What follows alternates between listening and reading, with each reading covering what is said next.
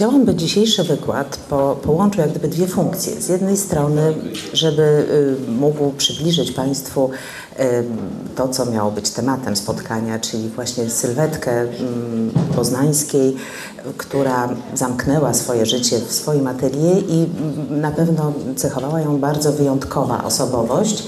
Natomiast równocześnie mam wrażenie, że dobrze byłoby, gdybyśmy jakoś wirtualnie przeszli przez galerię, którą normalnie oglądalibyśmy, gdyby to było do zrealizowania przy tak dużej ilości osób y, chętnych, by tę galerię obejrzeć dzisiaj ze mną, byśmy pewnie nie mogli tego pokonać. Więc na przykładzie kolejnych sekwencji naszej, naszej galerii będę próbowała jakieś wpleść w to wątki biograficzne mm, związane z samą Olgą Poznańską, a mm, rzeczywiście była postacią wyjątkową, gdyż y, właśnie na równi dzisiaj jesteśmy w stanie mówić o niej, o jej barwnej sylwetce i barwnej postaci, o jej kolejnych pracowniach i o jej cudownej twórczości. Nasza wystawa, która jak Państwo na pewno dobrze wiecie, miała swoją pierwszą odsłonę w Krakowie. Autorkami wystawy są panie y, Ewa Bobrowska i Urszula Kozakowska-Zaucha z, z Krakowa, autorkami koncepcji, postanowiły tęże artystkę pokazać, y, przywołać jej wielkość, ukazując ją w kontekście twórczości słynnych nazwisk artystów, z którymi była przez długi czas związana, z którymi sama się e, w jakiś stopniu utożsamiała i z którą później wielokrotnie ją historycy, biografowie wiązali.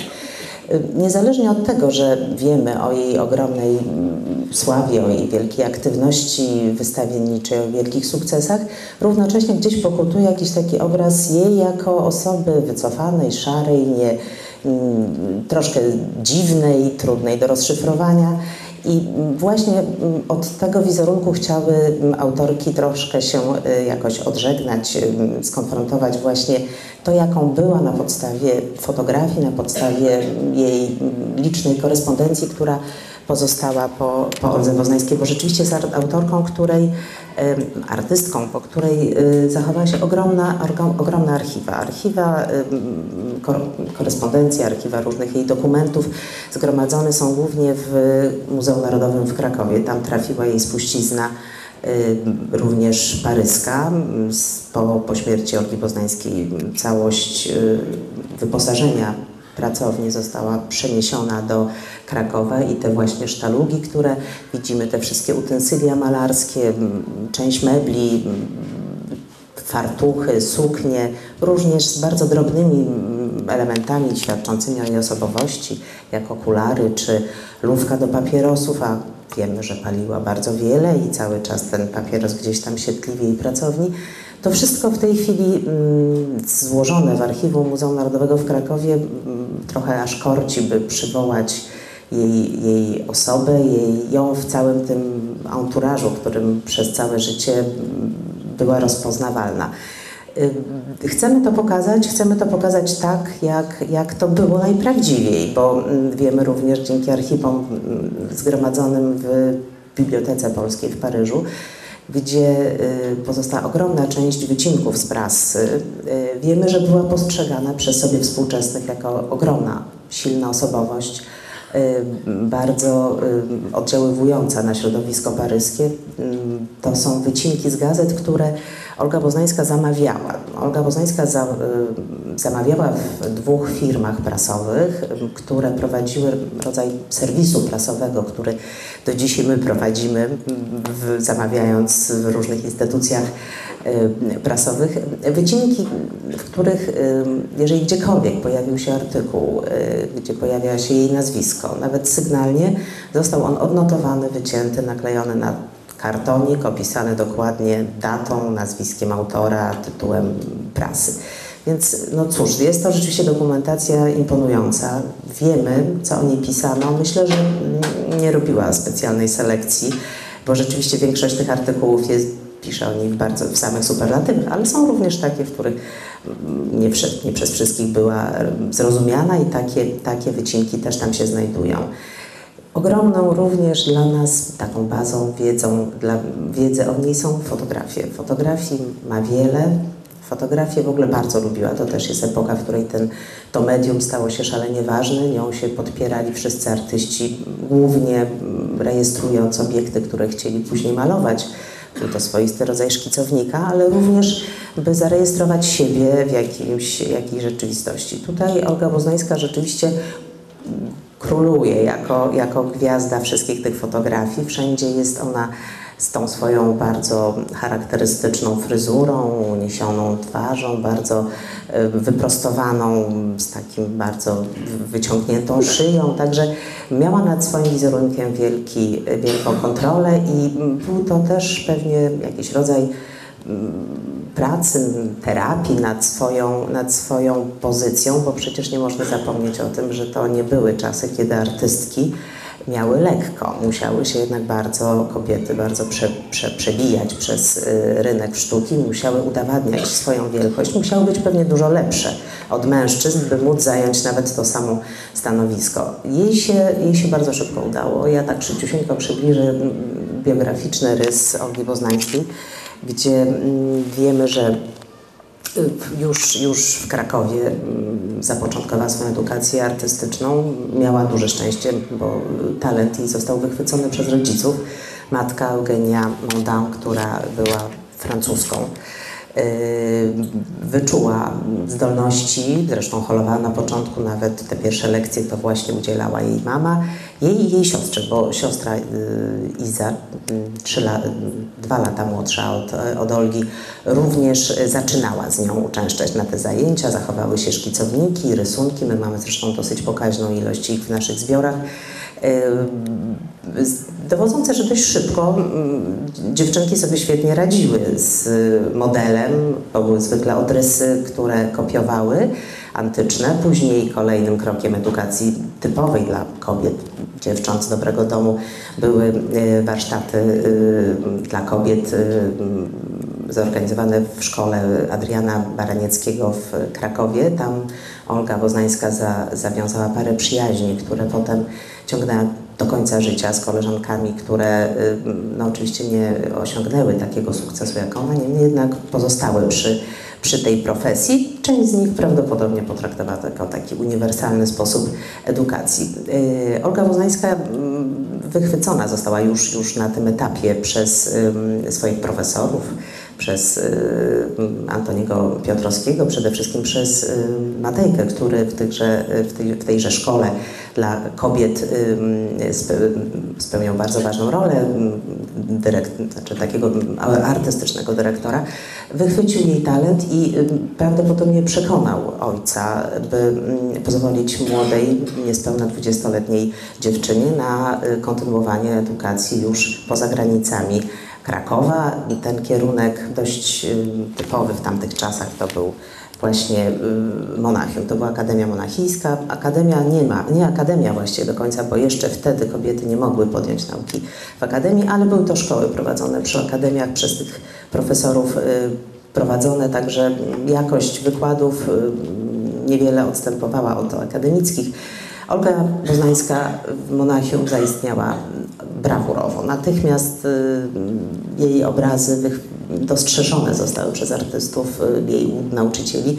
Dostrzegli również, że y, właściwie niewiele ona już się będzie mogła tam od nich nauczyć, a chyba największym takim dla niej źródłem wskazówki, wskazówką, jak ma tworzyć, to była po prostu wielka sztuka. To byli wielcy mistrzowie. Ona na nich się uczyła, ona ich obserwowała, y, odwiedzając muzea od wczesnego dzieciństwa podróżowała z rodzicami. Tak jak mówiłam na początku, y, mama była Polką, ojciec, y, przepraszam, mama francuską, ojciec Polakiem, także odwiedzali, odwiedzali Francję, odwiedzali ją również podczas y, wystaw światowych, kiedy to całe miasta i Paryż, i Wiedeń zamieniały się w ogromne galerie nowości, w tym głównie sztuki.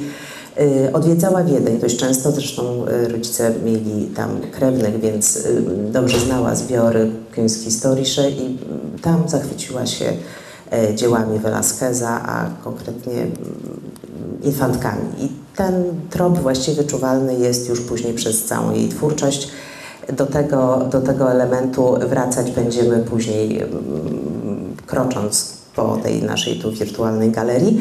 Natomiast jeszcze tylko wspomnę, że kolejnym takim właśnie źródłem inspiracji była Pinakoteka. To, to właśnie ten monach, to monachium, w której ona w którym ona przebywa, w którym ona poza zajęciami na uczelni mm, odwiedza pinakotekę, tam szkicuje, kopiuje i, i tam wyrabia sobie świetnie rękę. Także po dwóch latach opuszcza już e, szkołę, e, uważając, że właściwie nauczyła się już malować Monachium, otwiera własną pracownię, ma tam parę zawirowań, bo ze względów finansowych musi wrócić do Krakowa.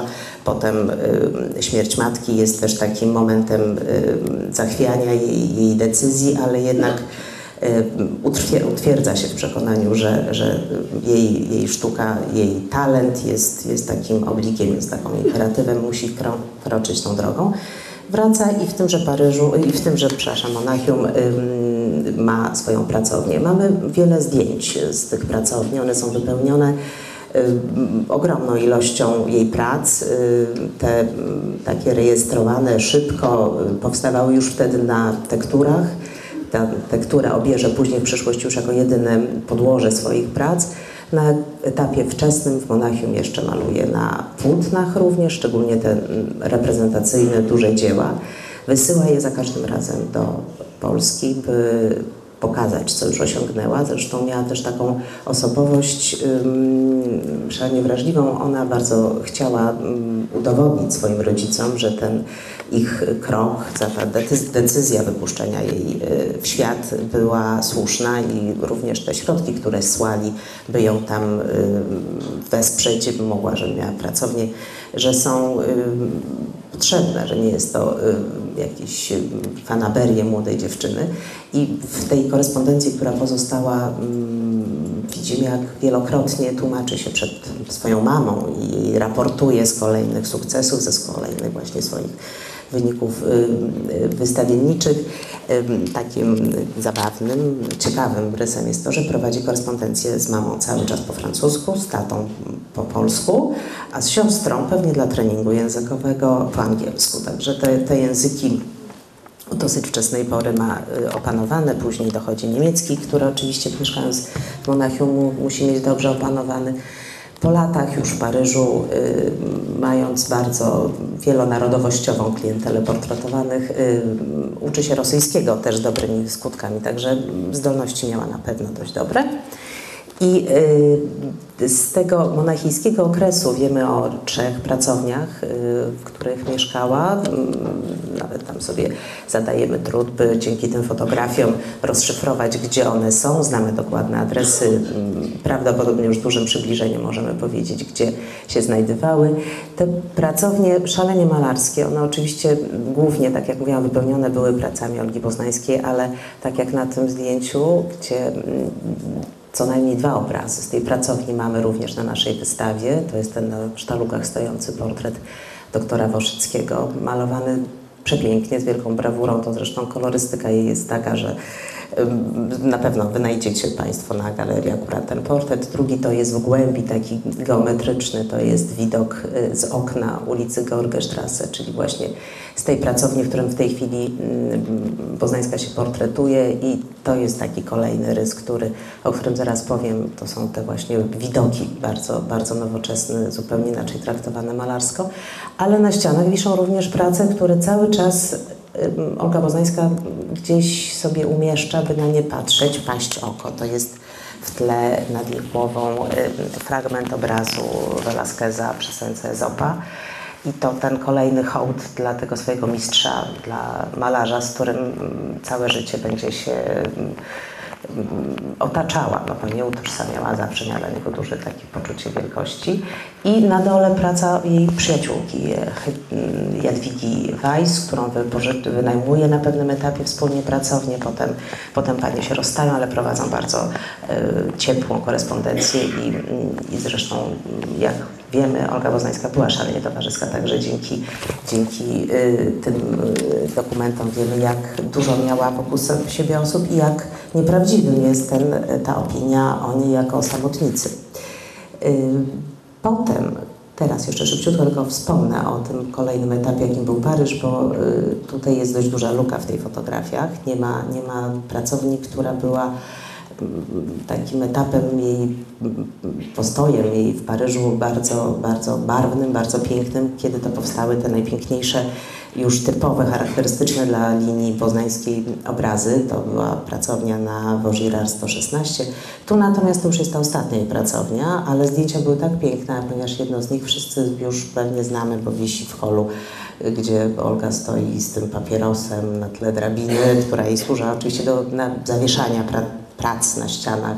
One były sieczały na, właściwie bez konkretnego ładu, wypełniając całą pracownię. To jest pracownia, w której spędziła najwięcej swego życia, to 30 lat w pracowni na Montparnasse, 49 na wysokim czwartym piętrze, z którego okien też rejestrowała widoki Paryża, a przede wszystkim pracownia była już taką jej, na tym etapie taką jej rzeczywiście świątynią, takim kokonem, w którym ona się trochę zamyka i w którym już tylko ma y, kontakt z takim bardzo bliskim światem swoim towarzyskim, czyli z portretowaniem i ewentualnie z y, bliskimi, którzy mogli dostąpić ze szczytu oglądania, jak ona tworzy. Bo ten późny okres jej to jest czas, kiedy ona rzeczywiście y, podczas y, malowania jest osobą cudowną, barwną, inteligentną, komunikatywną i właściwie cały czas tak samo uroczą towarzysko.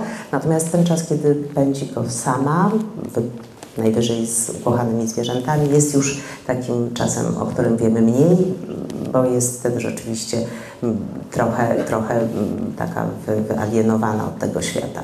Na tym jednym ze zdjęć prawym y, widać tą ogromną konstrukcję, która gdzieś tam zawieszona została nad oknem.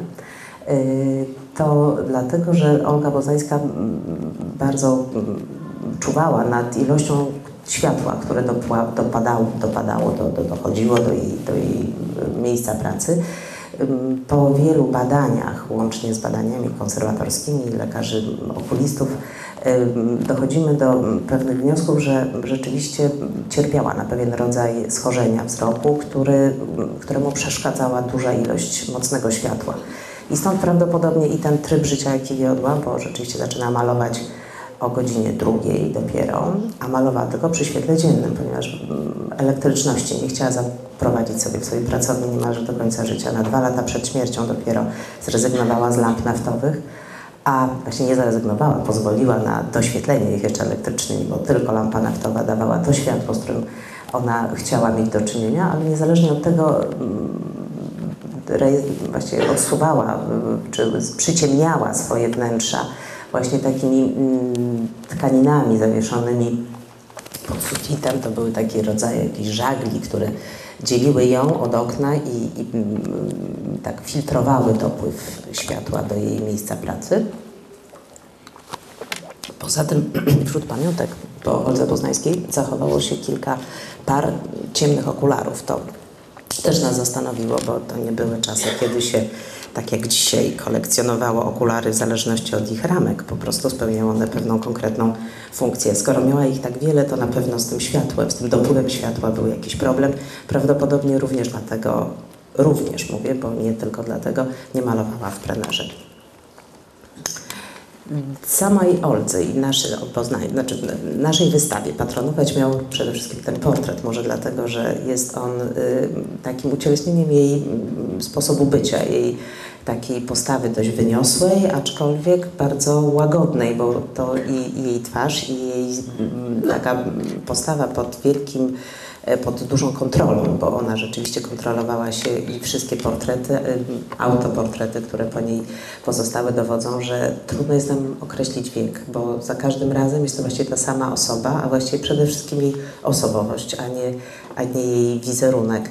I tu już widać, że Olga Poznańska malując, portretując, skupia się bardziej na tym, co kryje się za tą płaszczykiem twarzy, uśmiechu, ust czy spojrzenia, tylko to, co właśnie głęboko gdzieś w duszy portretowanego tkwi.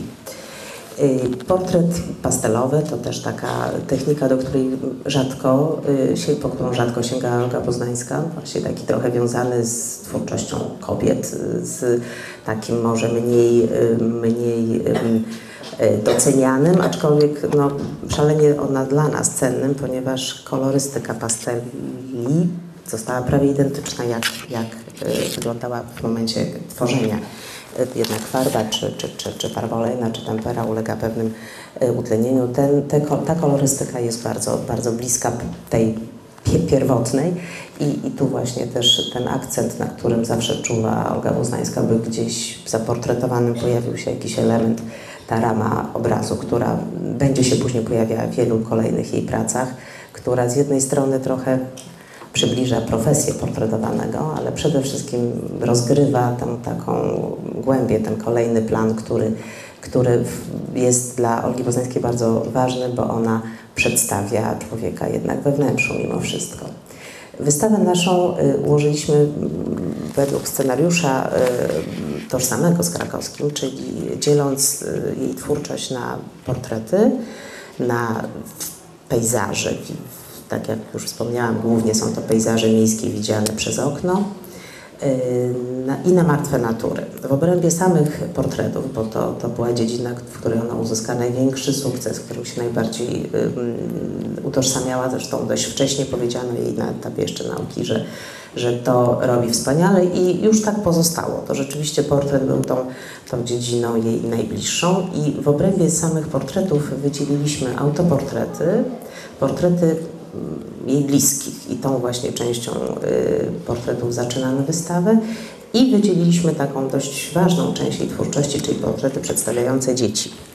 Dzieci były przez nią y, malowane głównie w Monachium i y, tu w obrębie tych, tej, tej grupy portretów również właśnie można zaobserwować taki, taki jeden podział na takie wcześniejsze, przedstawiające dzieci w takim samotne, z taką nostalgią, smutkiem w oczach i późniejsze dzieci już w pewnych relacjach bliskości, takich właśnie intymistycznych, raz w scenach macierzyńskich, inne są to sceny przedstawiające rodzeństwa, ale generalnie bliskich. Także tak pokrótce wygląda układ. całą wystawę kończymy martwymi naturami, które tworzyła przez całe życie, więc one tak spinają nam twórczość. Natomiast przez środek całej naszej wystawy, która składa się z siedmiu sal, przechodzą takie słupy milowe jej życia i to są właśnie te konteksty, czyli te momenty, w których pokazujemy obrazy malarzy wiązanych z nią na właściwie przez okres całej jej twórczości. Ten pochód tych właśnie ważnych postaci, które śmieją się, że są trochę tak, jakbyśmy je zaprosili na urodziny 150. Olgi Poznańskiej, jej e, wymarzonych gości. Więc ci, ci goście to przede wszystkim Diego Velázquez i jego, jego portret wypożyczony z Muzeum e, Madryckiego Tysenborny Michel. Drugim obrazem jest bardzo piękny portret Sycylii Aleksander Whistlera, następnie portret Kariera i jego chore dziecko, portret y, autorstwa mm, Maneta przedstawiający Bertę Morisot i y, kolejne, wszystkie one wypożyczone są z Muzeum Orsay w Paryżu. Kolejnym jest y, portret, jest widok, salon z trzema lampami Viarda i Martwa Natura, Fountain Latura. Na tym y, właściwie zakończę sprawę kontekstów, a teraz już przechodzę do y, samej twórczości Olgi Poznańskiej i ten jej początek, czyli właśnie rodzina plus najbliżsi jej mm, są prezentowani w pierwszej sali. O matce Olgi Poznańskiej wiele można byłoby powiedzieć już na podstawie samego portretu ojcu być może również, chociaż tu chyba ta opowieść byłaby dla niego trochę krzywdząca. To jest akurat obraz, który e, powstał pod koniec jego życia. On już wtedy był bardzo schorowany. Zresztą córka decyduje się na ściągnięcie swojego ojca do Paryża i tam z nim e, mieszka. Zresztą to uroczy okres w jej życiu, kiedy jej dom wypełniony jest wreszcie drugim życiem, z którym wspólnie organizuje spotkania towarzyskie, różne żurtfiksy, których wcześniej y, nigdy nie organizowała i bardzo dobrze czuje się w tej roli.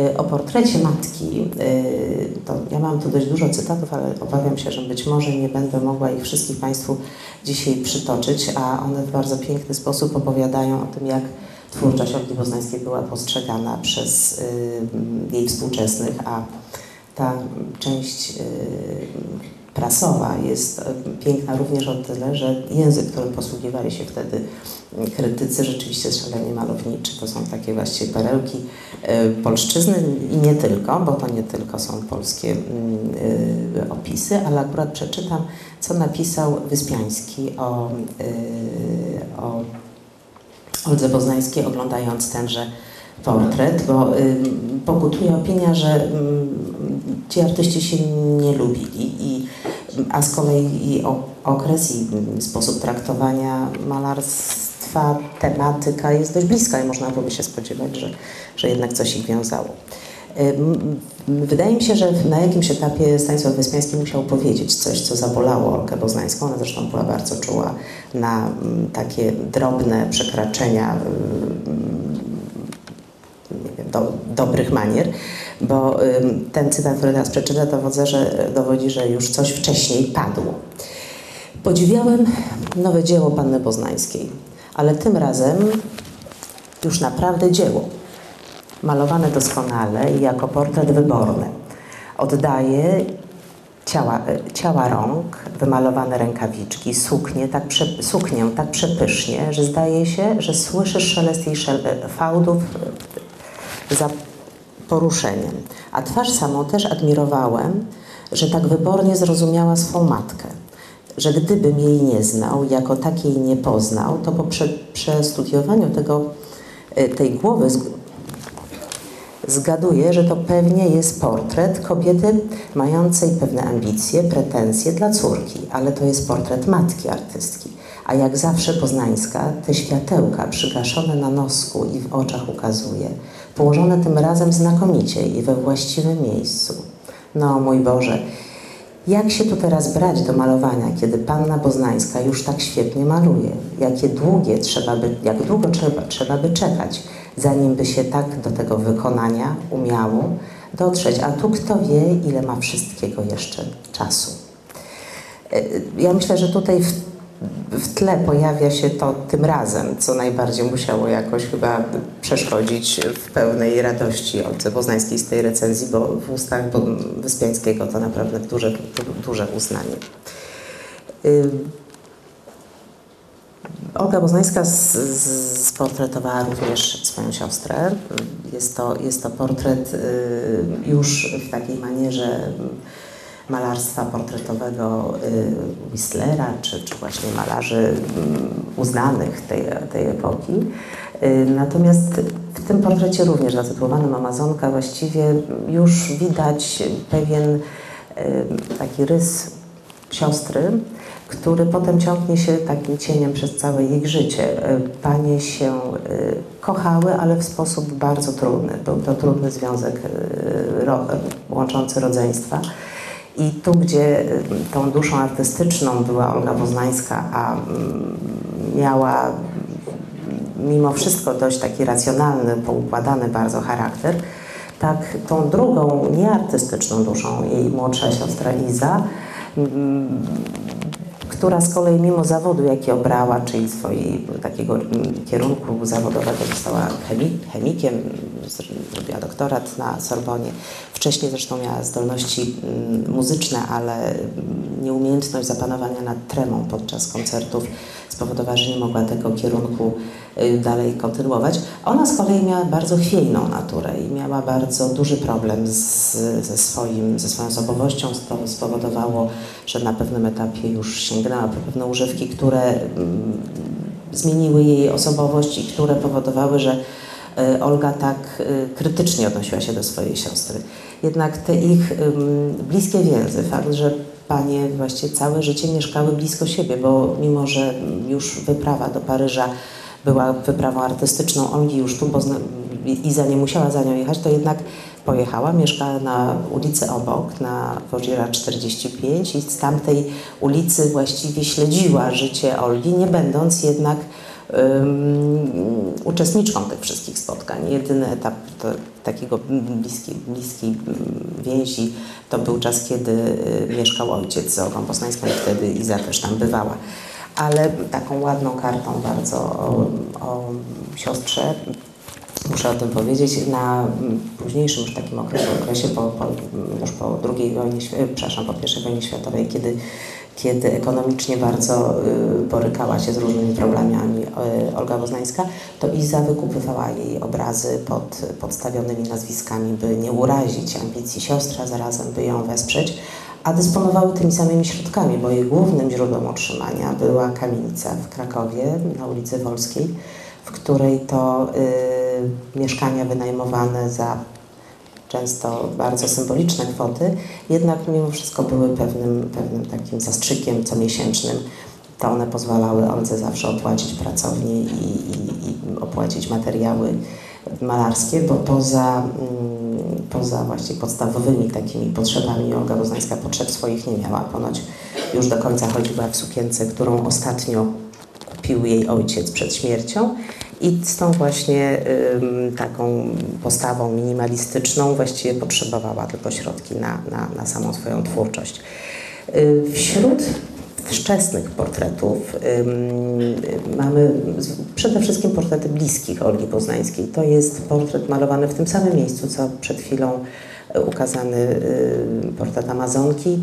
Nawet w tle zaportretowaną stoi ten sam, ten sam nieskończone dzieło. Natomiast ja chciałam zwrócić uwagę tu przede wszystkim na pewne elementy wystroju tego wnętrza, bo sama portretowana Zofia Fedorowiczowa, oczywiście dużej urody, kobieta w przepięknie malowanej sukni z taką perłową barwą, co jeszcze lepiej widać na, y, w oryginale naturalnie, ale element, o którym chciałam powiedzieć, to to, co jest za nią, czyli fragmenty wystroju jej pracowni, które my już znaliśmy wcześniej dzięki, dzięki fotografiom, które przed chwilą pokazywałam, pewnych różnych poutykanych reprodukcji, a tutaj okazuje się, że nawet zasłużyło na to, żeby już zaaranżować e, taki obraz, by oddać w tymże obrazie swoisty rodzaj hołdu Velasquezowi, bo tam na szczycie ta praca takim małym uciętą reprodukcją, to właśnie y, mm, portret y, infantki, z, y, gdzie trzyletnia infantka mm, zaprezentowana w takiej charakterystycznej układzie różowej sukni, obok stojąca martwa natura, to ta właśnie infantka była darzona przez Olgę Uznańską największą sympatią. Ta reprodukcja się wszędzie pojawia i tutaj ona tak oddaje właśnie taki swoisty hołd swojemu mistrzowi, ale równolegle również umieszcza tam grafiki japońskich drzeworytów, czyli taki bardzo współczesny element już akcentujący jej taką świadomą modę, czy, czy, czy panującą aurę wokół sztuki japońskiej, którą w połowie lat XIX, XIX wieku Europa się zachwyciła i to takie szaleństwo japońskie rzeczywiście towarzyszyło wszystkim, począwszy od, od strojów, od wyposażenia wnętrz, no, skończywszy na sztuce, literaturze to właśnie to dzieło Velasqueza, które my pokazujemy, jest to modello, jest to, jest to pewien tylko sygnał, bo nie wszystkie prace, które pokazujemy w, w ramach kontekstów, yy, były być może widziane przez Olgę Poznańską, nie wszystkie też yy, pokazują te główne źródła, ale chodziło nam o to, by zaistniał wśród tych gości właśnie Diego Velázquez, a obraz bardzo piękny, bardzo, bardzo też polecam się tak mu dokładnie przyjrzeć, bo na pewno ta y, taka malowniczość jej stroju wynika raczej z faktu, że jest to pewien podrys obrazu, który miał być później wielokrotnie dublowany. Ta, ta, ta seria portretów królowej, drugiej żony Filipa IV, Marianny Austriaczki, mamy tejże właśnie infantki, którą fragmentarycznie widzieliśmy przed chwilą, e, krążył po Europie. My mamy taki, taki portret. W pierwszej sali pokazujemy również bardzo ważne jedno dzieło, drugie można obejrzeć u nas w muzeum, ale już w stałej galerii, e, bo zadecydowaliśmy, że galerię mm, stałą e, pozostawiamy, nie demontujemy na czas trwania wystawy. Jest tak dużo wspaniałych dzieł, Olgi Boznańskiej, że nie musimy już ich bardziej zasilać, no ale rzeczywiście nam się udało, dzięki temu Kraków tej możliwości nie miałby. Te dwa dzieła, może nie równolegle, ale możemy to teraz zobaczyć, ale, ale zobaczyć pod, w, jednym, w jednym muzeum. Wielki Piątek i w Oranżerii to dwa ogromne dzieła, największe jakie namalowała na początku swojej bytności w Monachium. Nie na początku, już w takim okresie, właśnie, kiedy mm, właśnie się bardzo usamodzielnia, już, już nie uczestniczy w, w zajęciach u y, swojego profesora Karla Kriegerdorfa, tylko ma już tą swoją pracownię, a maluje je w Krakowie. Maluje je w Krakowie w ogromnym formacie, prawdopodobnie po to, by pokazać publiczności krakowskiej, y, jaką już jest wspaniałą malarką, jaki ma kunszt, jak, jak potrafi rzeczywiście mm, wytwornie malować i to jest taki popis jej malarstwa wyjątkowy, jak na tak młodą osobę, bo urodzona w 1965 roku, ma tutaj zaledwie 25 lat, tak, jeżeli dobrze liczę. I y, rzeczywiście są to y, dzieła, który, nad którymi pracujemy od lat, usiłujemy rozszyfrować ich symbolikę, bo, bo można dopatrzeć się wielu wspólnych y, wątków, y, można ich w ogóle nie szukać, ale zakonnica klęcząca w transepcie kościoła franciszkańskiego w Krakowie jest ubrana w strój norbertanki, postulantki. To jest taki pierwszy etap przed wkroczeniem do klasztoru.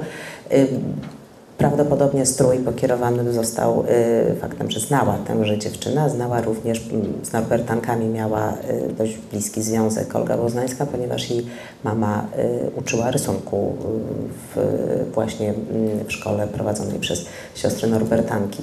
Obraz jest w, stałej, w stałych zbiorach Kościoła Mariackiego w Krakowie i rzadko opuszcza, właściwie to chyba drugi raz dopiero opuścił swoje miejsce. Pierwszy raz to było 10 lat temu na wystawie w Zachęcie.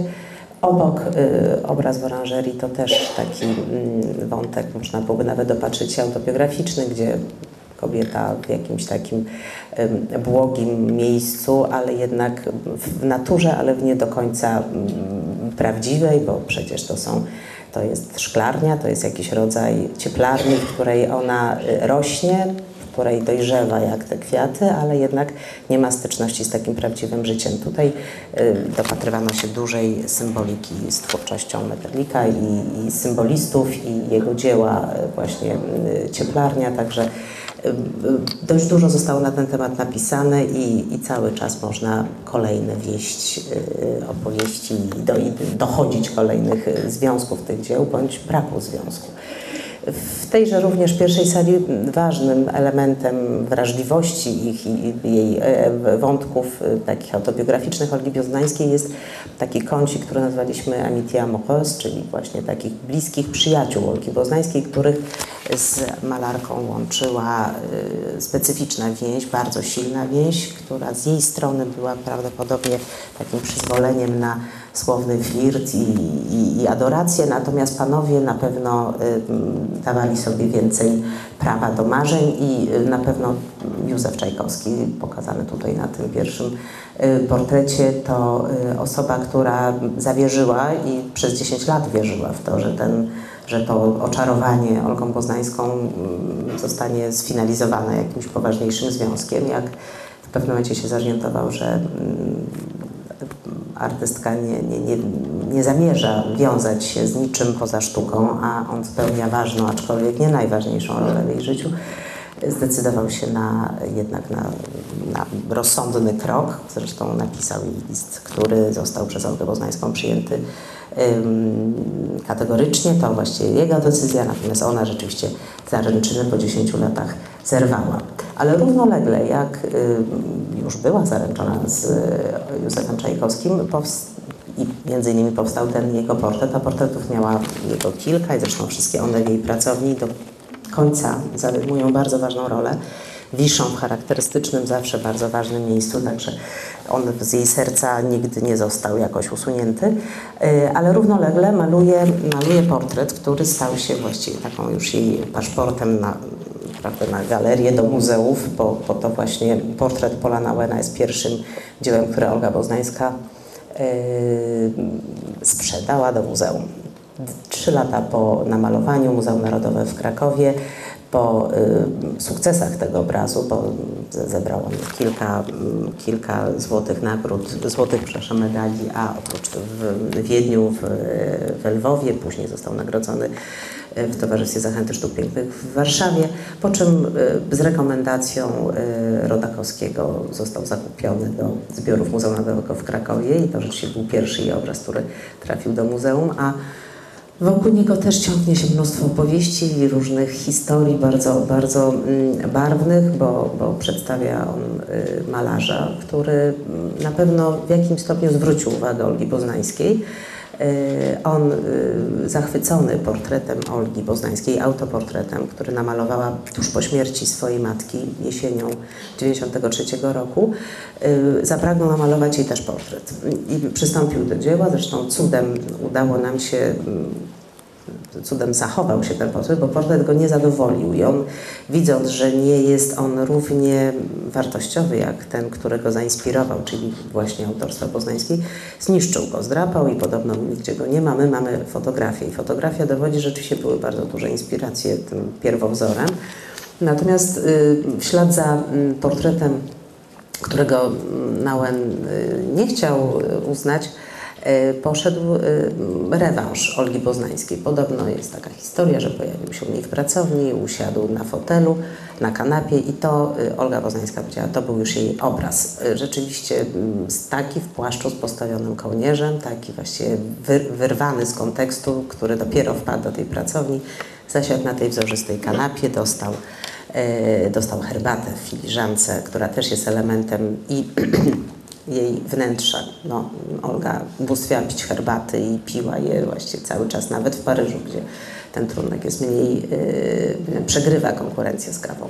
Yy, oprócz tego jest on takim elementem japonizującym, tworzy wnętrze, także bardzo przemyślana kompozycja mm, o pewnych takich analogiach i do y, obrazów manetowskich, do portretu Emila Zoli, który słynny gdzieś zawsze tam mamy w tyle głowy, natomiast y, przede wszystkim świetnie pokazana postać. Postać pokazana w taki sposób, że po y, publicznym pokazaniu tego portretu pojawiły się recenzje w gazetach jedna z monachijskich gazet e, opisała dokładnie, kim musi być ten portretowany. I tutaj pojawiło się parę cech charakteryzujących osobę tak wyglądającą, porównywany do zblazowanego, przypowiadającego fin de siècle, Dandysa, no, w każdym razie y, cała ta opowieść, y, tam, ten, ten właśnie opis jego osoby uraził y, Pola Nauena, znanego, mm, uznanego malarza wtedy w Monachium, mającego bardzo mocną pozycję, do tego stopnia, że wytoczył proces w gazecie, ten proces wygrał, został zrehabilitowany, a Olga Poznańska od tego momentu przestała sygnować, przestała podpisywać swoje obrazy imieniem i nazwiskiem, ponieważ w myśl wyroku sądu opisowi, właśnie ocenie może podlegać tylko malarska wartość dzieła, ale w żaden sposób socjologiczna czy, czy wręcz właśnie psychologiczna.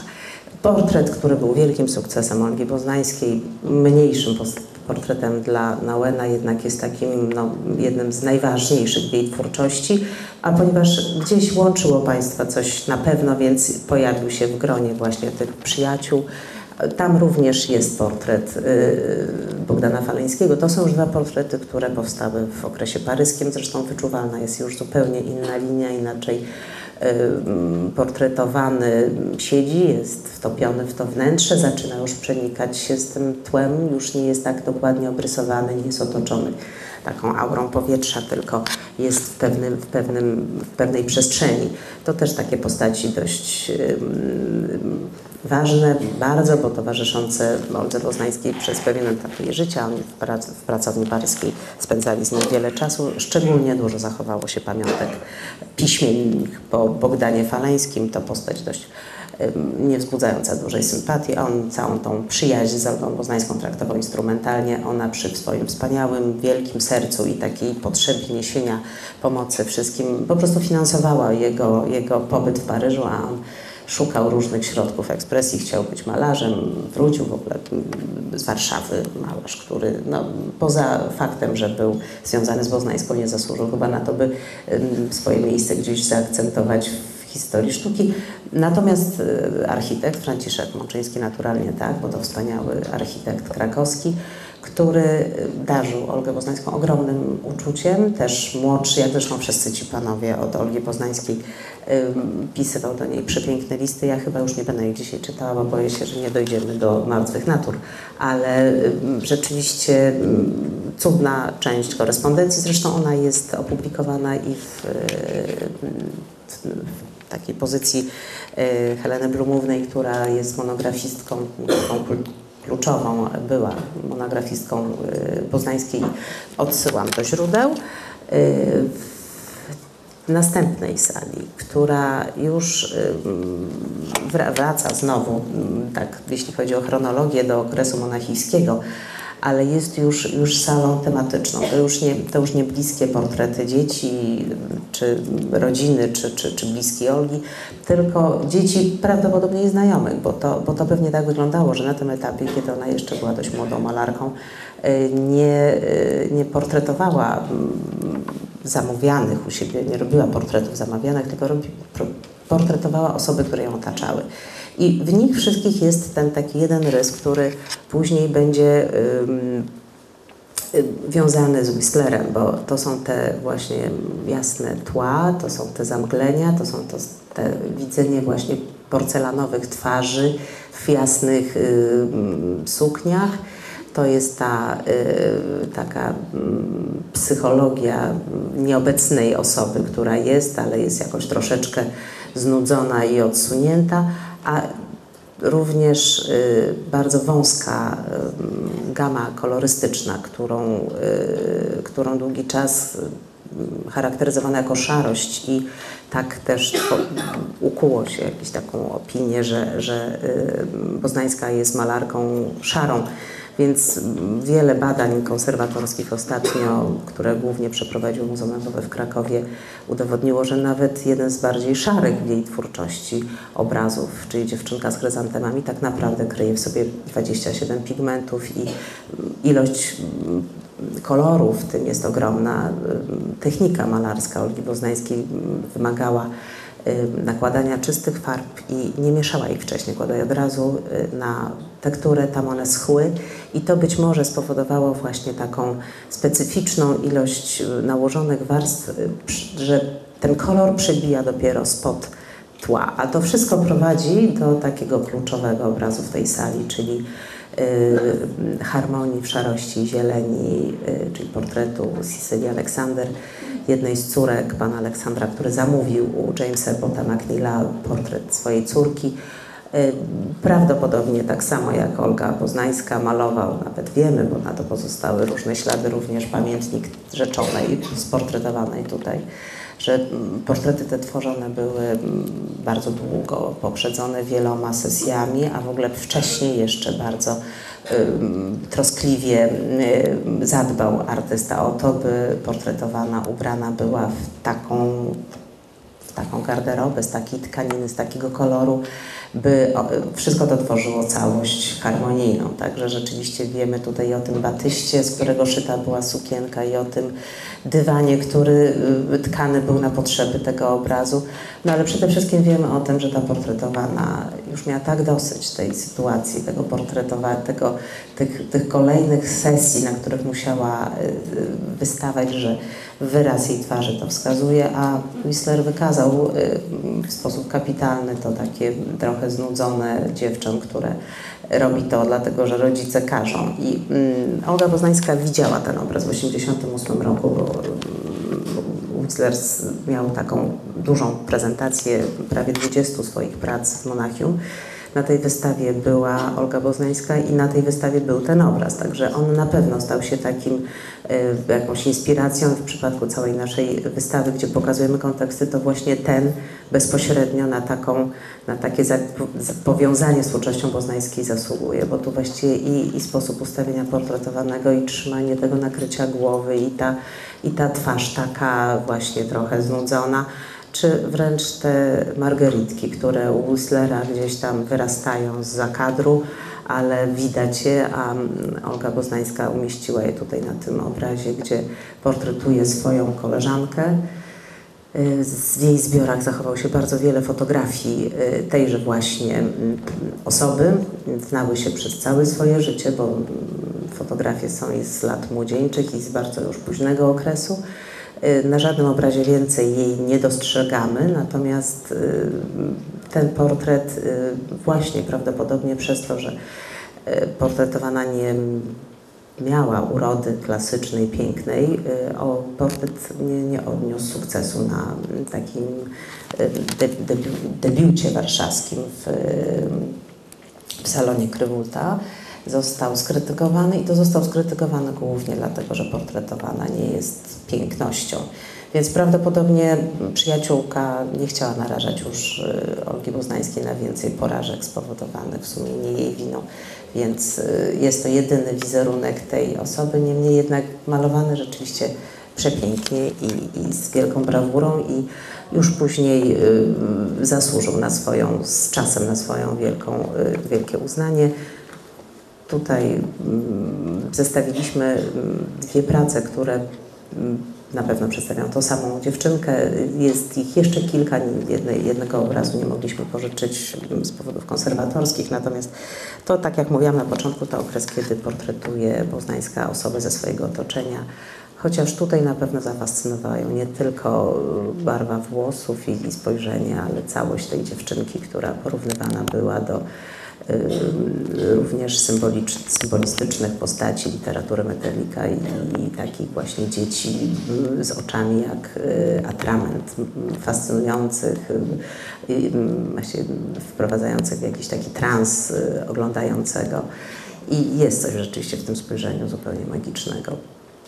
Także y, Whistler y, to malarz, który oddziałał na pewno bardzo mocno na swoją twórczością nie tylko na Olgę Poznańską, ale on również co zresztą i w tym obrazie jest widoczne, uległ właśnie tej modzie japonizmu, który w drugiej połowie XIX wieku panowała w, Pary w Paryżu i nie tylko we wszystkich europejskich właściwie miastach. Olga Boznańska zetknęła się z tym jeszcze w Monachium, bo dowodzi tego ten taki wczesny obraz jej twórczości, bardzo, bardzo nowoczesny jak na ten 88 rok gdzie i światło, i ta właśnie taka rozświetlona mm, firana zaportretowaną i ten kadr, i to zestawienie takich bardzo jasnych plam tego kimona z y, tą ciemną, ciemną barwieniem. Dla nas bardzo zabawne było, jak zaczęliśmy nasi konserwatorzy tam mm, oglądać w podczerwieni ten obraz i okazało się, że na kapeluszu jest papuga i rzeczywiście jak się tak bardziej przyjrzy to, jest jeszcze zdjęcie sprzed ostatnich prac naszych konserwatorów. Jak się człowiek bardzo przyjrzy, to znajdzie tam to ptaszysko, ale to też odsyłam na,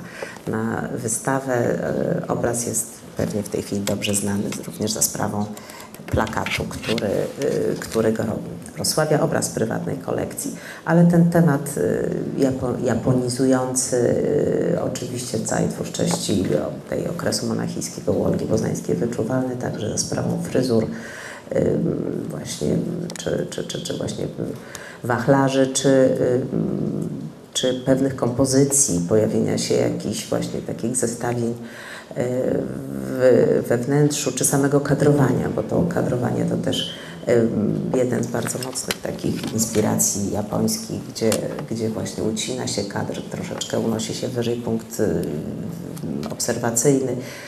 Na, na wystawie zetknęliśmy takie dwa obrazy z tego samego okresu. To kwiaciarki zadumane, one rzeczywiście pięknie ze sobą wyglądają.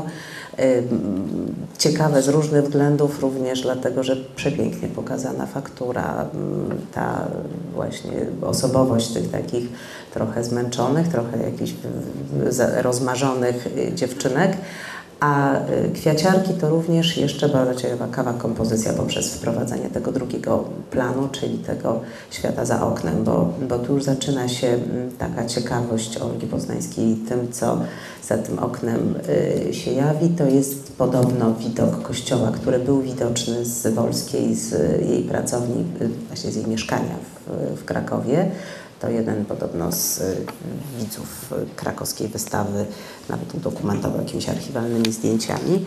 Natomiast no, całe mnóstwo tutaj symboliki, prawda, i ten oleander, który pozbawiony kwiatów stoi obok, te dziewczynki takie mm, mm, skupione na czynności, która chyba ich specjalnie nie uskrzydla. Te, te, te mm, pęki kwiatów, które być może robią po to, by musi później je sprzedać a również wachlarze na ścianie, bo przecież za oleandrem są dwa wachlarze japońskie, które są znowu kolejnym jakimś symbolem y, tej, tej y, gdzieś tlącej się właśnie inspiracji japońskiej. Także mm, kolejny szalenie ciekawy y, obraz, a udało nam się na wystawę wypożyczyć również z paryskiej kolekcji prywatnej obraz malarki, której y, Olga Boznańska, którą na pewno znała, ten obraz znała również, bo tu też na jednej z wystaw w Berlinie mm, zetknęły się dwie prace Bilińskiej i Boznańskiej. Starsza od niej koleżanka, która tą trasę artystki borykającej się z rzeczywistością w Paryżu przeszła trochę wcześniej, dużo trudniej, bo nie miała takich też jakiejś pozycji ani finansowej pewnej, ani, ani rodzinnej, stąd jej rzeczywiście szalony talent, ale okupiony dramatyczną historią, która zakończyła się śmiercią, jest szalenie ciekawy, a ta praca w taki dla nas ciekawy sposób zatknęła się tutaj z drugim obrazem z tego samego okresu, który prawdopodobnie Olga Boznańska namalowała tuż po obejrzeniu y, pracy swojej starszej koleżanki, y, tego właśnie pastelu y, kobiety w kimonie. Sali, w której mm, zapowiadaliśmy właśnie tę japońskość i już w której pojawiają się te widoki za oknem, wkracza się do takiego, czy takiej części, takiego gabinetu, w którym pokazujemy prace poświęcone pejzażom miejskim. I one rzeczywiście są no, dla mnie dużą przyjemnością, bo, bo dopiero zestawione razem dowodzą, jaką miała Olga Wozańska wielką przyjemność malując je. Malowała je na pewno dla siebie, był to rodzaj takiej fotograficznej rejestracji tego, co widzi przez okno i być może z tymi obrazami jechała, przemieszczając się do kolejnego miejsca, gdzie się zakotwiczy. To jest akurat widok krakowskiej, y, krakowskiego podwórka za jej domem na ulicy Wolskiej ale i kolorystyka, i sposób malowania dowodzą już szalonej takiej wrażliwości wyrobionej ręki, także chyba przez skromność powiedziała, że uczyła się, nauczyła się Monachium malować, bo, bo to, co zrobiła jeszcze przed tym okresem edukacji monachijskiej już też zasługiwało na wielkie uznanie. Takie bardzo mm, nowoczesne i, i, i barwne. Później ta paleta troszkę się uspokaja, ale nadal w podobny sposób rejestruje y, świat przez okno. To, są, y, to jest widok z monachijskiej ostatniej pracowni y, na Georgestrasse taka nasza tutaj pani, która z nami współpracuje z Monachium, dokopała się bardzo ciekawego wątku. Ta część Georgestrasse, z której jest ten, ten obraz malowany, była częścią parzystą, a jej pracownia była po nieparzystej, więc to nie jest z jej pracowni, ale z pracowni która była dokładnie po drugiej stronie i wiemy, że po drugiej stronie była pracownia Nauena. Więc y, patrząc i na datę powstania tego obrazu i na miejsce, można by przypuszczać, że to właśnie w tym miejscu y, Nauen tworzył jej portret, który potem tak właśnie krytycznie ocenił i go zdrapał.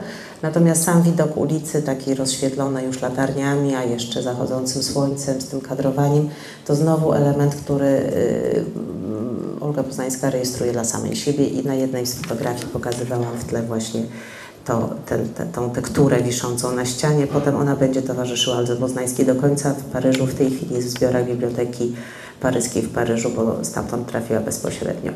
A potem maluje już paryskie, paryskie e, widoki i one są e, no, cały czas tak samo malownicze i barwne, chociaż ta paleta się trochę zmienia. Już pojawia się nawet ruch, bo przecież ten tramwaj po lewej stronie ewidentnie jedzie, także to nie jest statyczne, w tym jest próba takiego zarejestrowania życia paryskiego. Olga Poznańska na pewnym etapie w jednym z listów do, napisała, że y, jest takie drzewo na jednej ze stacji metra, niedaleko oddalone od jej mieszkania, które strasznie chciała namalować i zawsze jak tamtędy przyjeżdża, to ma ochotę to drzewo namalować, ale nie ma odwagi, bo jak przecież usiądzie i zacznie malować, to ktoś za nią usiądzie i będzie patrzył. I właśnie ten wątek tego kogoś, kto może patrzeć i kto może jej yy, kontrolować, co ona robi. Czyli jak gdyby jak coś wyrwie się spod jej kontroli, spowodowało prawdopodobnie, że nie malowała pejzaży, tylko yy, w plenerze, tylko najwyżej przez okno. A szkoda, bo rzeczywiście ta rejestracja jest cudowna. Ten z prawej strony to ewidentnie widok paryskiej e, kamienicy, bo i te portfenetry i ten układ mansardowych dachów na to wskazuje, a również w pamiętniku Sabickiego, który był stałym gościem i jest takim autorem takiego e, fundamentalnego wywiadu przeprowadzonego już wtedy z 60-letnią Buznańską, e, właśnie opisuje, że jedno z okien wychodzi na taki gąszcz drzew, które firanką zasłaniają to, co się kryje dalej. Także to pewnie jest jedno z tych dwóch okien na y, Rue Montparnasse, a pokutuje cały czas podpis, że jest to pracownia krakowska, no i powiedzmy do podpisu się przywiązałam. Y, tą częścią, o której mówiłam, do portretowanych dzieci, ale już nie w konwencji takich osamotnionych, trochę zbuntowanych, wydzieliliśmy. I to jest ta część nazwana mm, też tak hasłowo macierzyństwem, chociaż tak naprawdę tu chodzi głównie o tą bliskość, o tę intimitę mm, kariera, bo, bo nie zawsze są to sceny matki z dzieckiem. Tu na przykład są to piastunki. To są y, to są panie, które przyszły z dziećmi, a to właśnie ta więź bliska między dzieckiem często była bardziej widoczna między właśnie tą opiekunką, a czasami mamy portretowały się zupełnie inaczej, raczej fasadowo, efektownie, z ufryzowanymi głowami. Natomiast tu rzeczywiście jest ta czułość, jest ten, ta, ta bliskość, y, mm, ten, to, to macierzyństwo z 1902 roku jeszcze szalenie ciekawe przez, tą, przez ten drugi plan, czyli znowu to okno, które rejestruje Olga, równie, równie ważny jak pierwszy plan, nawet patrząc na traktowanie plamy barwnej, to nawet e, ważniejszy dla niej jest ten układ kamienic, który gdzieś tam za szkłem, za szybą widać. E, bardzo ciekawie mm, radziła sobie z tkaniną. Bardzo często prowadzała motyw kraty i ten krata i u dziecka w sukience i u tej opiekunki czy potem po latach y, też zachowa się taki jeden list, gdzie y, napisała, że malując y, malarkę, panią Tomasą, coś jej nie pasowało, z jej burza włosów siwych, wszystko było piękne, tylko nie strój. I dopiero jak ją ubrała w graciastą bluzkę i sportretowała, to zaczęła grać jako całość.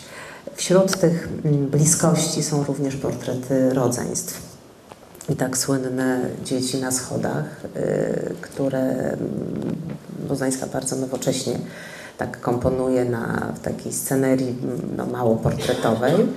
I już te późniejsze, y, pa, paryskie, taki sposób kadrowania właśnie w ustawione dzieci statycznie na fotelu, w pracowni, za nimi taka charakterystyczna turkusowa przestrzeń to kanapa, która była w tle pracowni domu Parnas i ta kanapa przykryta takim kolorem.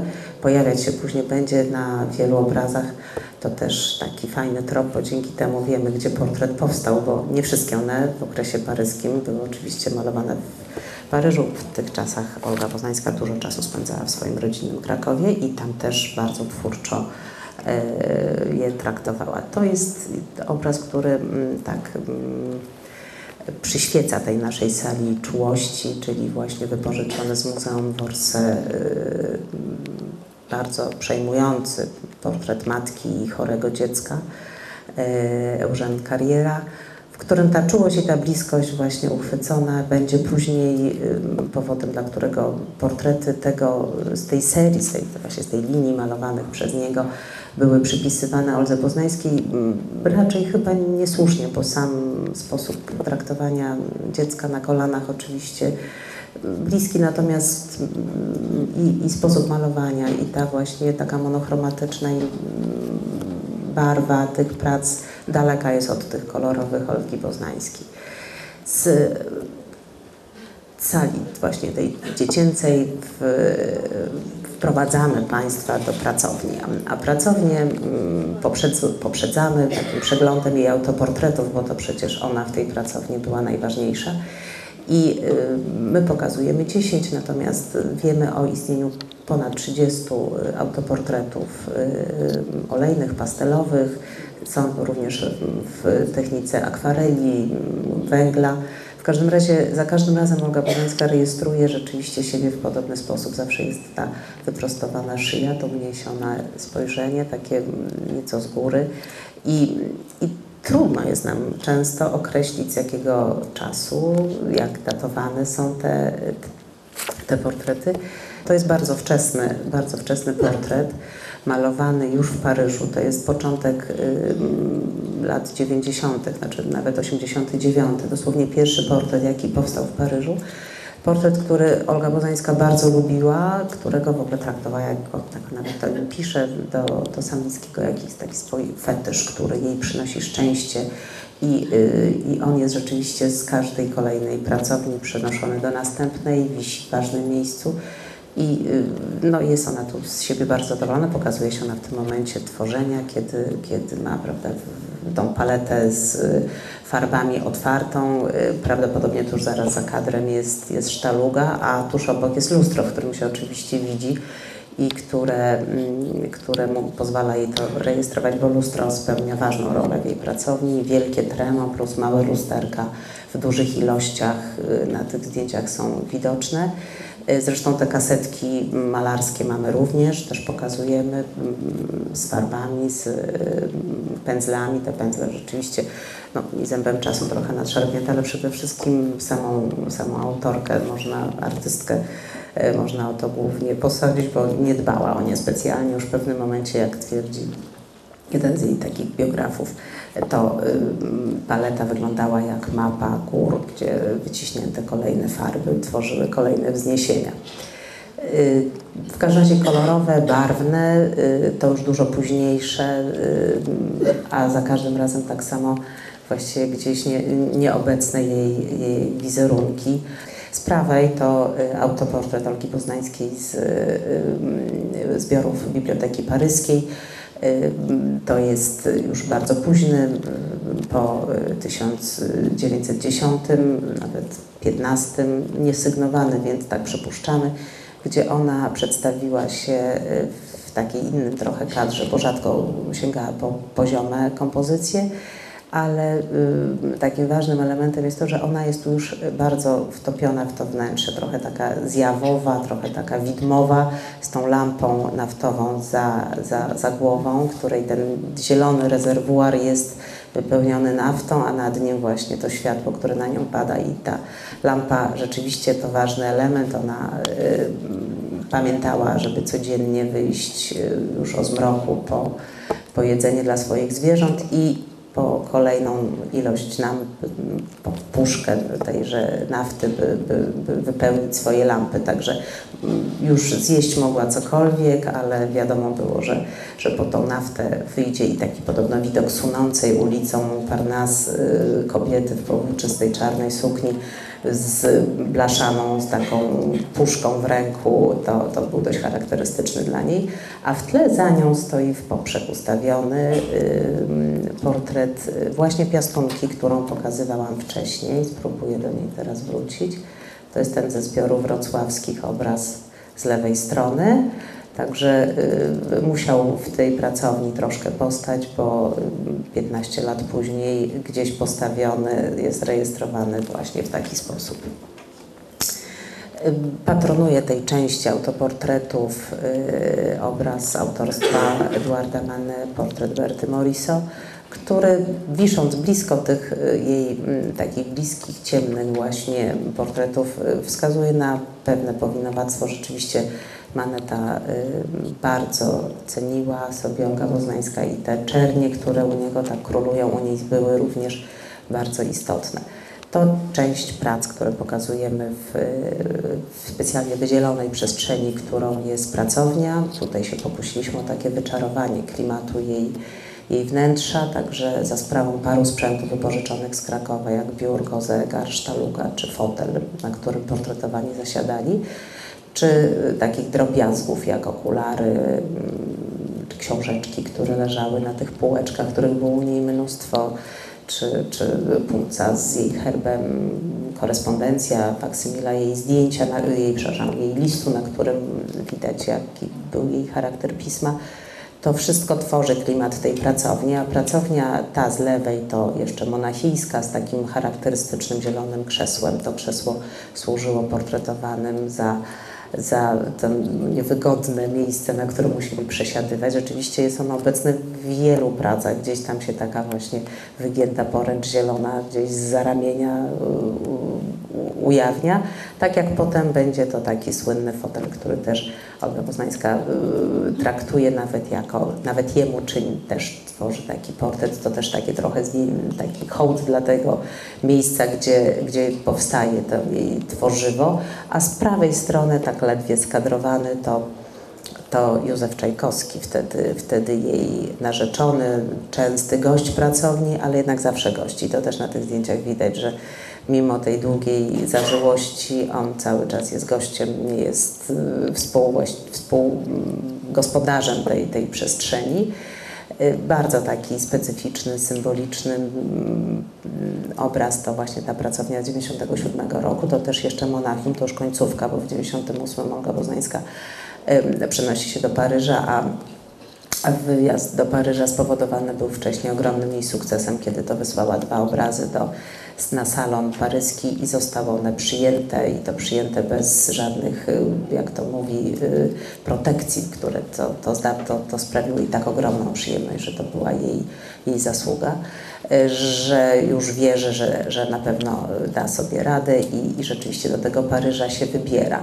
Ale jeszcze w Monachium y, powstaje kilka takich nietypowych jak na jej twórczość prac, w których toczy się pewna historia, bo, bo ta właśnie anegdota to jest ta część twórczości, która jej w ogóle nie interesowała. Ona malowała głównie y, działając kolorem, światłem i tą swoją psychologiczną y, analizą, i, I dzięki temu właśnie ten portret jej jest taką jej wizytówką. Natomiast tutaj rejestruje prawdopodobnie swoją pracownię, bo to, to jest to samo wnętrze, ta sama czerwona parasolka, którą znamy z niektórych jej obrazów.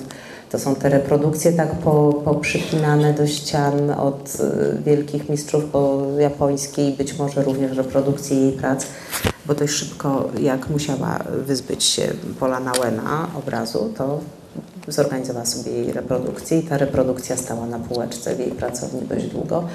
Tam są również y, kwiaty, które wykorzystywała do pewnych kompozycji, jak ten słonecznik, chociaż pracownia wypełniona była głównie prawdziwymi kwiatami. Ten podobno zapach unoszący się kwiatów, y, takich kwiatów ciut już post które już trochę postały w pracowni, unosił się w pracowni. Podobno to była taka magia tego miejsca i w każdym małym wazoniku gdzieś jakiś kwiatek musiał się znajdywać i, i zresztą później maluje rzeczywiście tym kwiatom przepiękne portrety, bo trudno je nazwać martwymi naturami.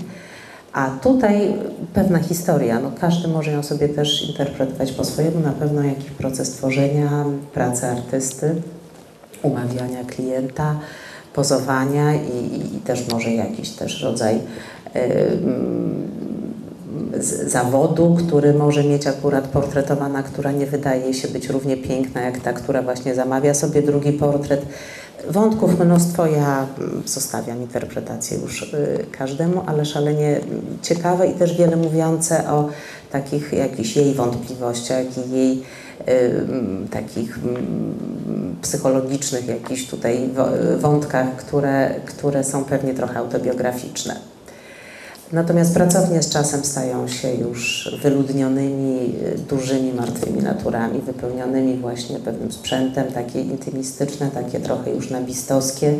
I to jest już ten okres, y, kiedy ona zaczyna czuć tą, tą, to roz, rozmalowanie francuskie, które które ją tak zachwyciło, gdzie, gdzie właśnie ten plan, dalszy plan jest równie ważny jak ten pierwszy, gdzie się te plany ze sobą właściwie mijają, zbiegają i, i ta malarskość i kolorystyka tych prac, szczególnie ta, to wnętrze w pracowni z prywatnych y, zbiorów po prawej stronie, zachwyca swoją kolorystyką i właśnie kolejny moment, kiedy myślę, Boże, jak można o Poznańskiej powiedzieć szara malarka. To jest prawdopodobnie pierwsza pracownia w Paryżu, gdzie Olga Poznańska zatrzymała się na początku dzięki swojemu kuzynowi Danielowi Mordam, który był znanym grafikiem, zaprzyjaźniony z karierą i ze środowiskiem francuskim. On pomógł jej w Paryżu zaistnieć, on ją wciągnął w to środowisko. Zresztą razem zrobili sobie pierwszą wspólną wystawę, która była wielkim sukcesem. To na tej wystawie zwrócił na nią uwagę Leon Benedict, taki mm, bardzo ważna postać odpowiadająca za zakupy do Muzeum e, Luksemburgu, czyli takiego Muzeum Sztuki Współczesnej Francuskiej tamtych czasów, które to muzeum przekazało później swoją spuściznę do mm, Orsay i właśnie za sprawą zachwytu właśnie tegoż krytyka e, trzy prace ze zbiorów poznańskich zostały do tych zbiorów kupione.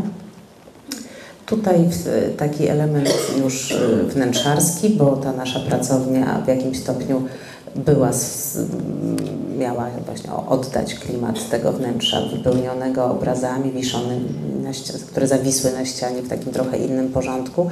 I ten Czajkowski, który właśnie, jak mówiłam, y, towarzyszy jej przez całe życie, mimo że już dawno on ułożył sobie rodzinę, a ona żyje już zupełnie w innym świecie, to jednak jego portret wisi zawsze w kolejnych jej y, mieszkaniach. To jeszcze jest, y, nie, to już jest ta ostatnia pracownia na Montparnasse. I ta lampa naftowa i te prace y, z lewej strony tak słabo widoczne, to jest obraz, który Czajkowski namalował dla Olgi Poznańskiej, tak za lampą schowany port, znaczy portret y, Martwa Natura z kwiatami. Mamy ten obraz również na wystawie. On zamyka jak gdyby część naszych kontekstów właśnie tak sentymentalnie, bo to obraz, który może nie wpłynął bezpośrednio na sposób malowania Olgi Poznańskiej, ale, ale był wśród tych, którymi się otaczała.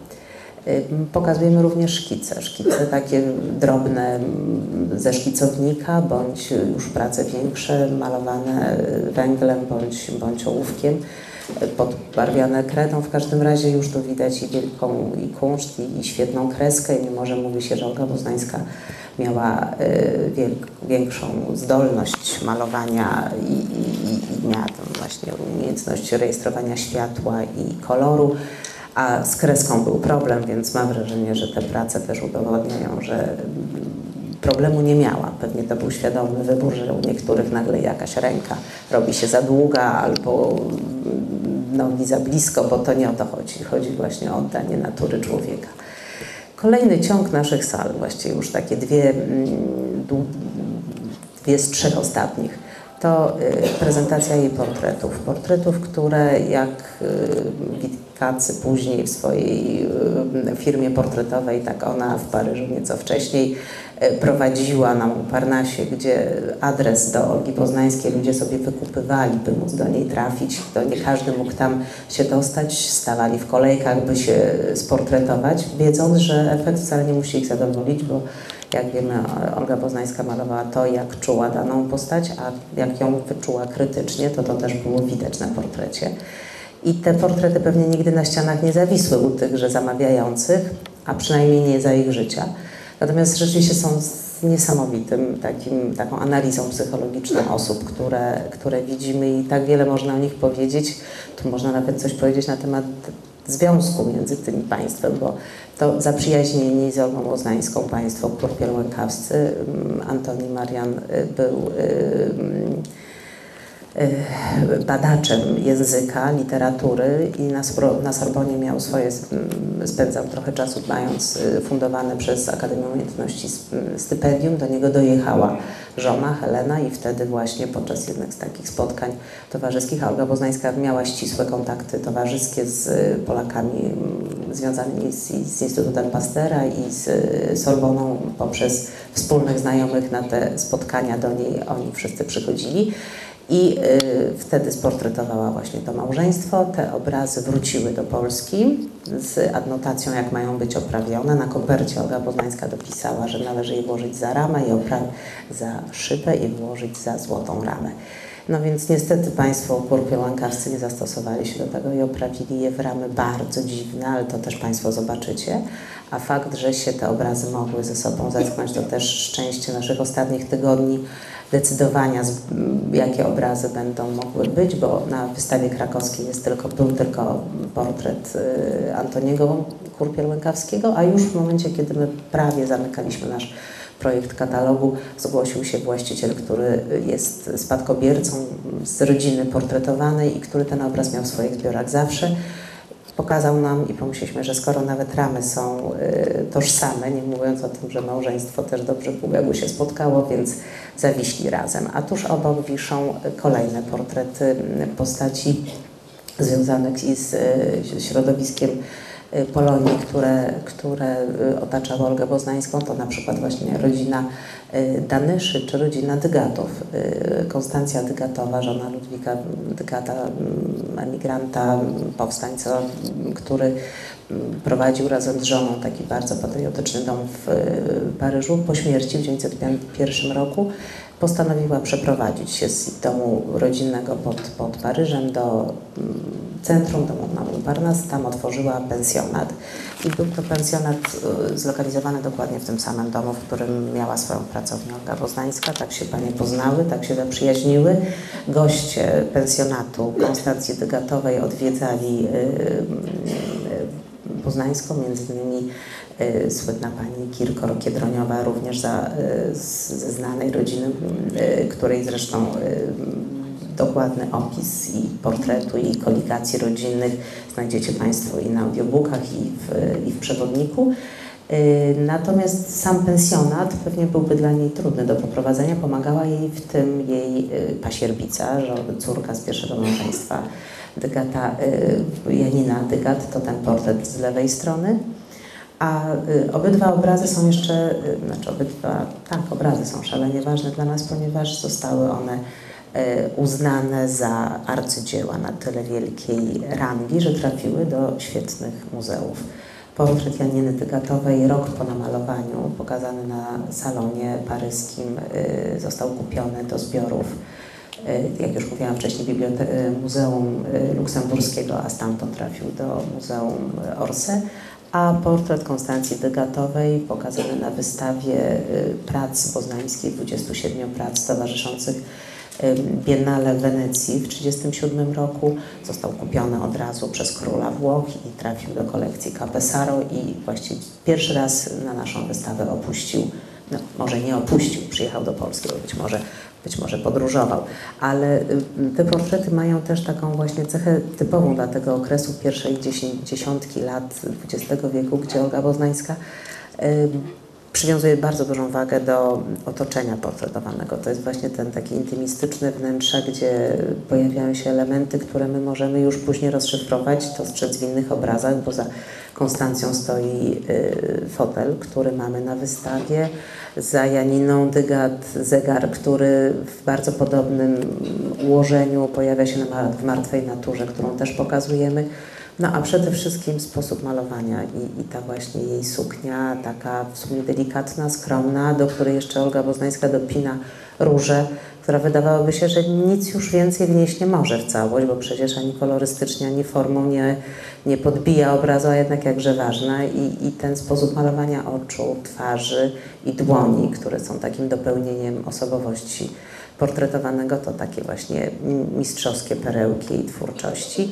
Mamy również w tej samej sali kolejne popisy jej y, świetnego malarstwa. Obraz Heleny Isztrati, y, córki y, premiera Rumunii, żony y, rumuńskiego biologa, y, trafiła na naszą wystawę już tylko warszawską, na krakowskiej nie było, ponieważ kolekcjoner prywatny zakupił w międzyczasie na, na aukcji w Paryżu bardzo piękny portret, gdzie się pojawiają te typowe poznańskie zielenie. One są i w tle i jak już zabrakło tych zieleni gdzieś w portretowanej, to Olga Poznańska dopinała bądź dowieszała y, elementy biżuterii. Tu na pewno ten wisior, który ma na szyi, to jeden z tych, które my znamy ze szkatułki, która pozostała Polce Poznańskiej.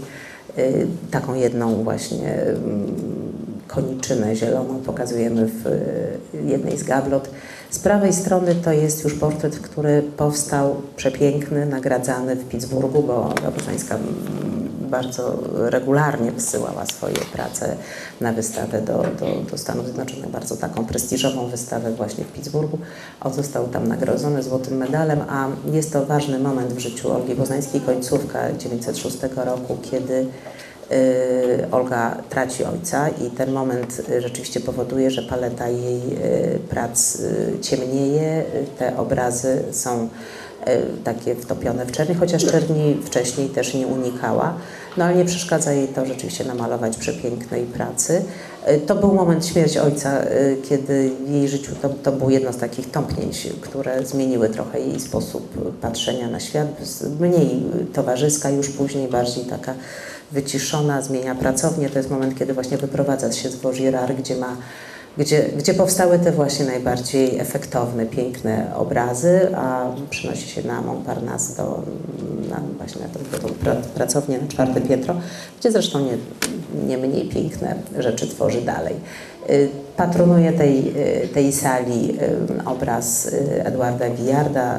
Olga Poznańska mówiąc o artystach, których ceniła, z którym była porównywana, powiedziała, że właściwie jednego żałuje w życiu najbardziej, to tego, że nie poznała nigdy Edwarda Wiarda, bo ten artysta, tego artystę cenię najbardziej. Niemalże bliźniacy, bo y, różnica paru miesięcy między nimi. Zmarli w tym samym roku, malowali na tekturach, malowali wrażliwe rejestracje właśnie wnętrz, zamknęli swoją sztukę w czterech ścianach, nie malowali w plenerze, malowali ludzi. Olga u siebie w pracowni, on w domach portretowanych. Mnóstwo ich łączyło, nawet wystawiali na tych samych wystawach, a jednak nigdy się nie spotkali. Strasznie to przykre, bo być może, mm, może ich życie by się zmieniło, bo tak wiedli je samotnie. Y, A obraz ciekawy również ze względu takich poloników, bo to jest pracownia Właśnie nie pracownia, salon należący do państwa Natansonów, Tadeusz Natanson, jego żona Misia Godebska, wydawcy pisma La La Revue Blanche y, prowadzili w tymże y, salonie na ulicy Saint-Florentin po prawej stronie Paryża salon towarzyski i tam właśnie tworzono wszystkie główne y, założenia artystyczne tego pisma, które narzucało w ogóle ton artystyczny miastu.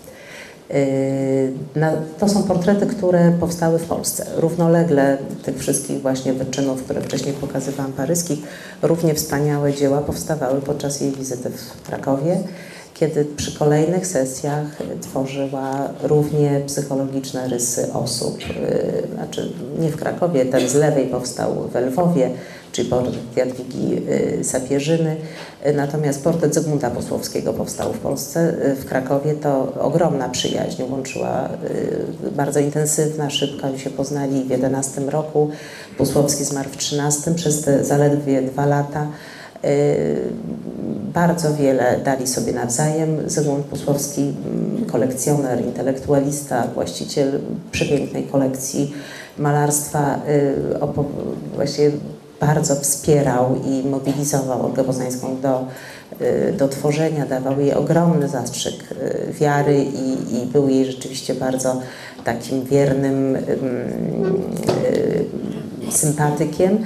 A sam portret, który rzeczywiście w sposób wyjątkowo jakiś taki nastrojowy pokazuje takiego już starszego człowieka o tych rękach nieco zmienionych przez, przez czas. Y, mm, ten portret y, po, po śmierci jego żona napisała do, do Olgi Poznańskiej, że jak go zawiesiła w salonie, to nagle ma wrażenie, że cały salon wypełnił się jej mężem i że rzeczywiście wyjątkowa magia bije z tego portretu.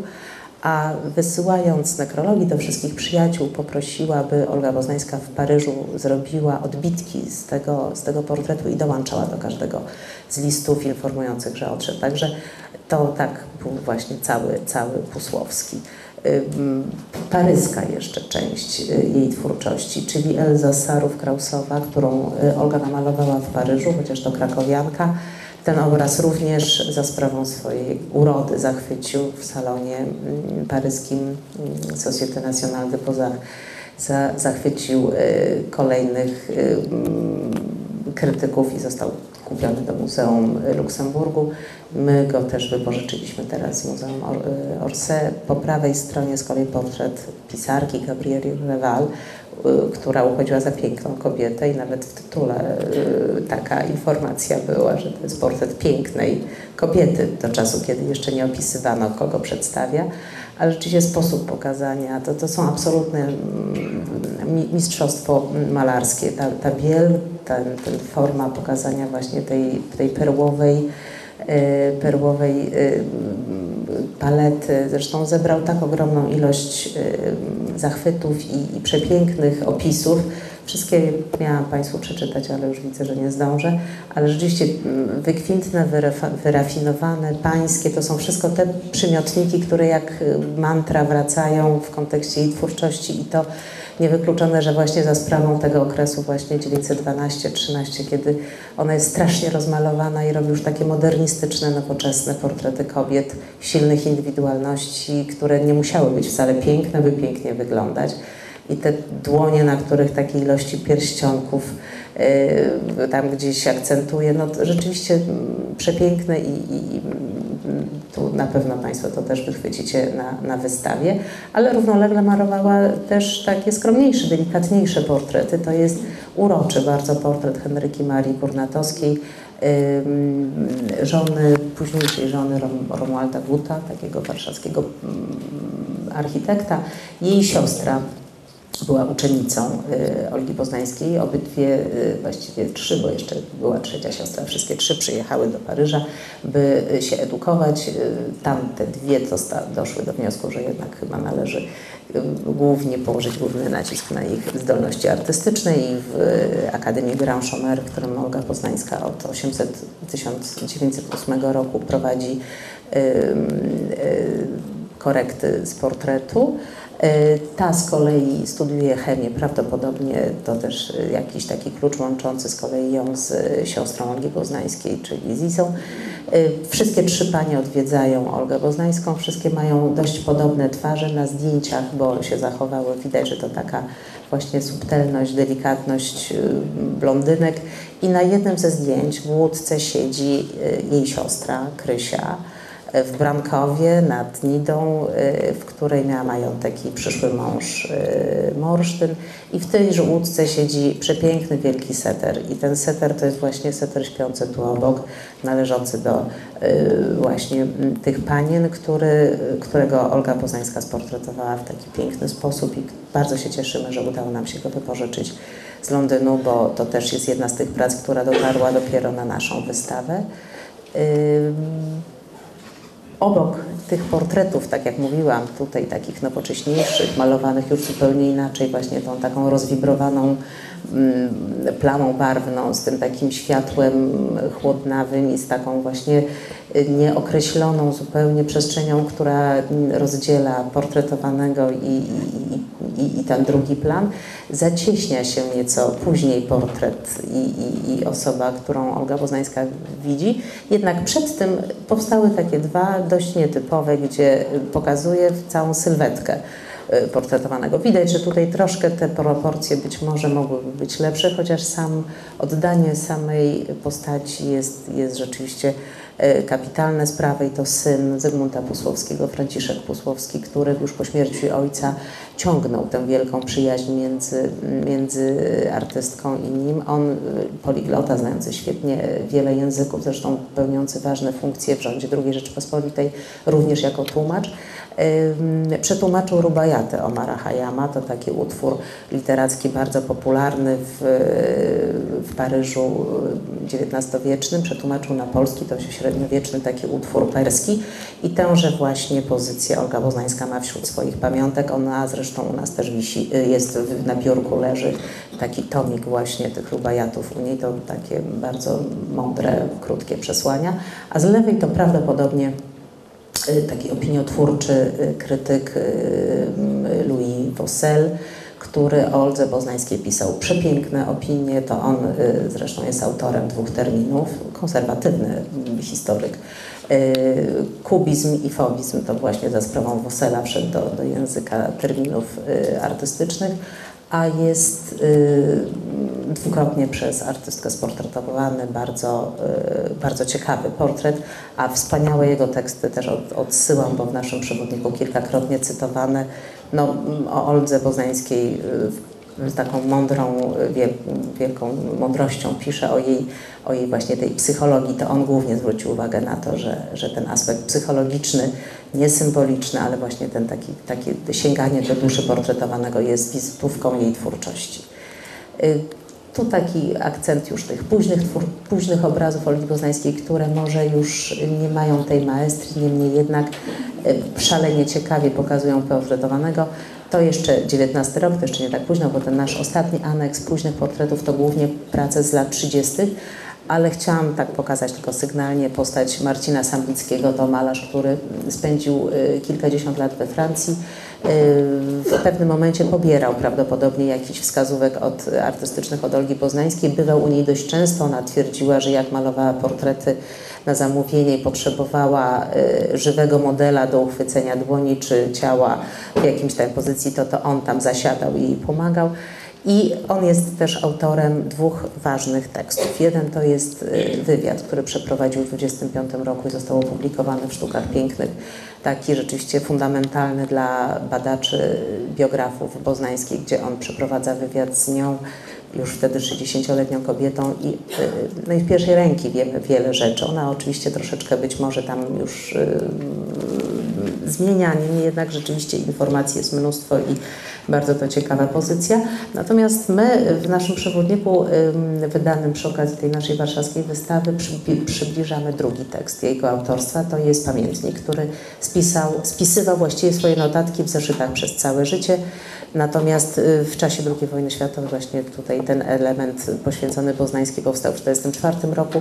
Jest takim dość gorzkim wspomnieniem, bo, bo go tak filtruje przez rys historyczny, co się dzieje, troszeczkę roz, roz próbuję rozliczyć Olgę Poznańską z jej sympatii do Niemców, a ona ją miała za sprawą oczywiście długoletnich miłych przeżyć studiów w Monachium.